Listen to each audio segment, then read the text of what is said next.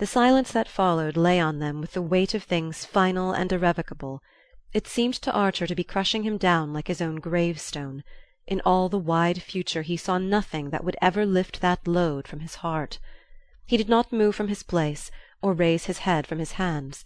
His hidden eyeballs went on staring into utter darkness. "At least I loved you," he brought out. On the other side of the hearth, from the sofa corner where he supposed that she still crouched, he heard a faint stifled crying like a child's. He started up and came to her side. "Ellen, what madness! Why are you crying? Nothing's done that can't be undone. I'm still free, and you're going to be."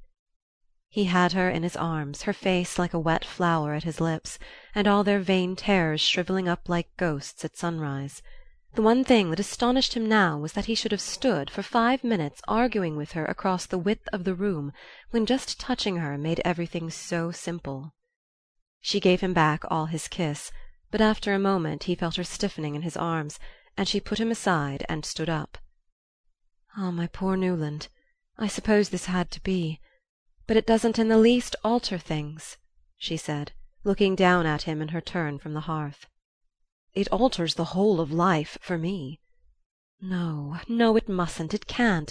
You're engaged to May Welland, and I'm married." He stood up too, flushed and resolute. "Nonsense! It's too late for that sort of thing.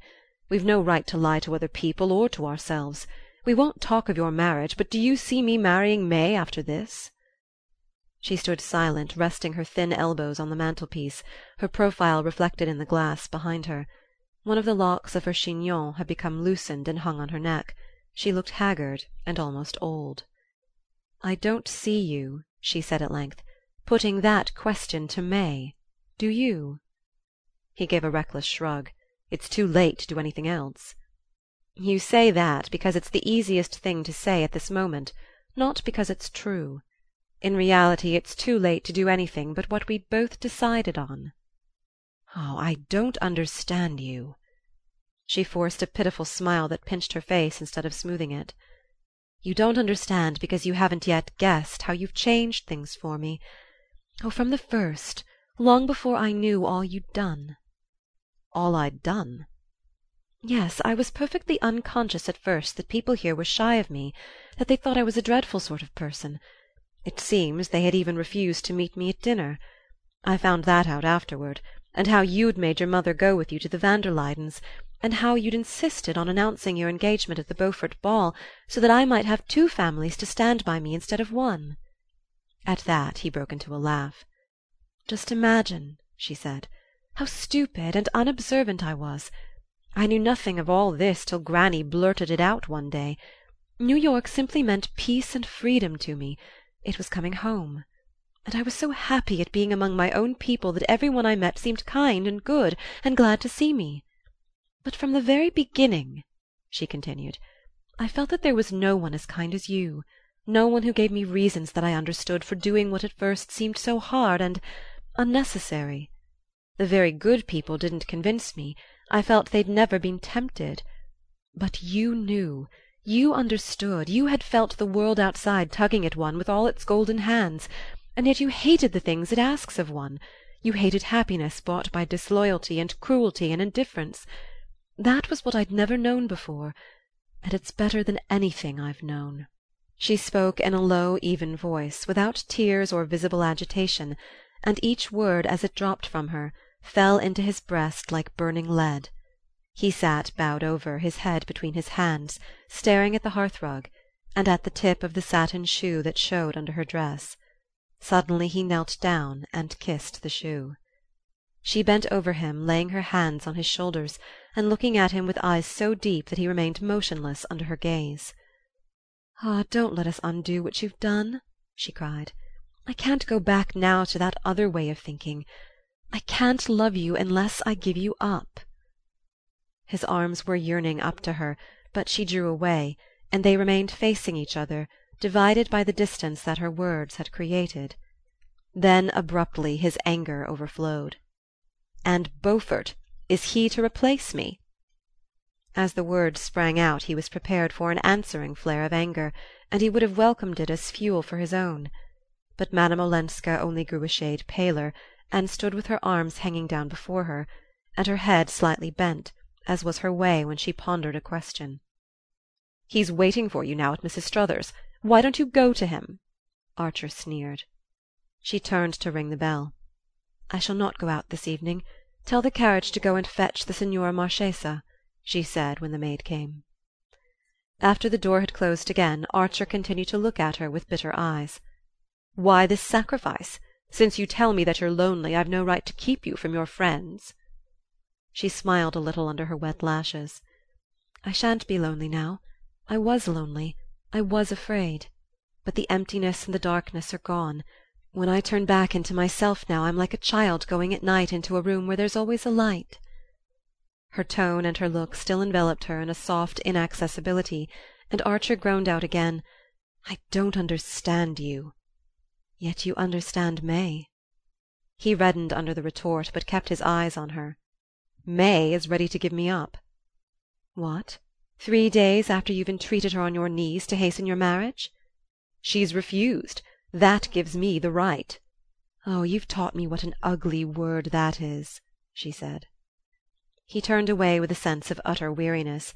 He felt as though he had been struggling for hours up the face of a steep precipice, and now, just as he had fought his way to the top, his hold had given way and he was pitching down headlong into darkness. If he could have got her in his arms again he might have swept away her arguments; but she still held him at a distance by something inscrutably aloof in her look and attitude, and by his own odd sense of her sincerity. At length he began to plead again. "If we do this now it will be worse afterward worse for every one. "No, no, no!" she almost screamed, as if he frightened her. At that moment the bell sent a long tinkle through the house. They had heard no carriage stopping at the door, and they stood motionless, looking at each other with startled eyes. Outside Nastasia's step crossed the hall, the outer door opened, and a moment later she came in carrying a telegram which she handed to the Countess Olenska. "The lady was very happy at the flowers. Nastasia said, smoothing her apron. She thought it was her signor marito who had sent them, and she cried a little, and said it was a folly." Her mistress smiled and took the yellow envelope. She tore it open and carried it to the lamp. Then, when the door had closed again, she handed the telegram to Archer. It was dated from St. Augustine and addressed to the Countess Olenska. In it he read: "Granny's telegram successful. Papa and mamma agree marriage after Easter. Am telegraphing Newland. Am too happy for words and love you dearly. Your grateful May." Half an hour later, when Archer unlocked his own front door, he found a similar envelope on the hall table on top of his pile of notes and letters. The message inside the envelope was also from May Welland, and ran as follows: "Parents consent wedding Tuesday after Easter at twelve, Grace Church, eight bridesmaids. Please see rector. So happy. Love, May." Archer crumpled up the yellow sheet as if the gesture could annihilate the news it contained. Then he pulled out a small pocket diary and turned over the pages with trembling fingers; but he did not find what he wanted, and cramming the telegram into his pocket he mounted the stairs. A light was shining through the door of the little hall room which served Janey as a dressing room and boudoir, and her brother rapped impatiently on the panel. The door opened and his sister stood before him in her immemorial purple flannel dressing gown, with her hair on pins. Her face looked pale and apprehensive. "Newland, I hope there's no bad news in that telegram. I waited on purpose in case No item of his correspondence was safe from Janey. He took no notice of her question. "Look here, what day is Easter this year?" She looked shocked at such unchristian ignorance. "Easter? Newland! Why, of course, the first week in April. Why?" "The first week!" He turned again to the pages of his diary, calculating rapidly under his breath. "The first week, did you say?" He threw back his head with a long laugh. "For mercy's sake, what's the matter?" "Nothing's the matter except that I'm going to be married in a month." Janey fell upon his neck and pressed him to her purple flannel breast. "Oh, Newland, how wonderful! I'm so glad! But, dearest, why do you keep on laughing? Do hush, or you'll wake mamma."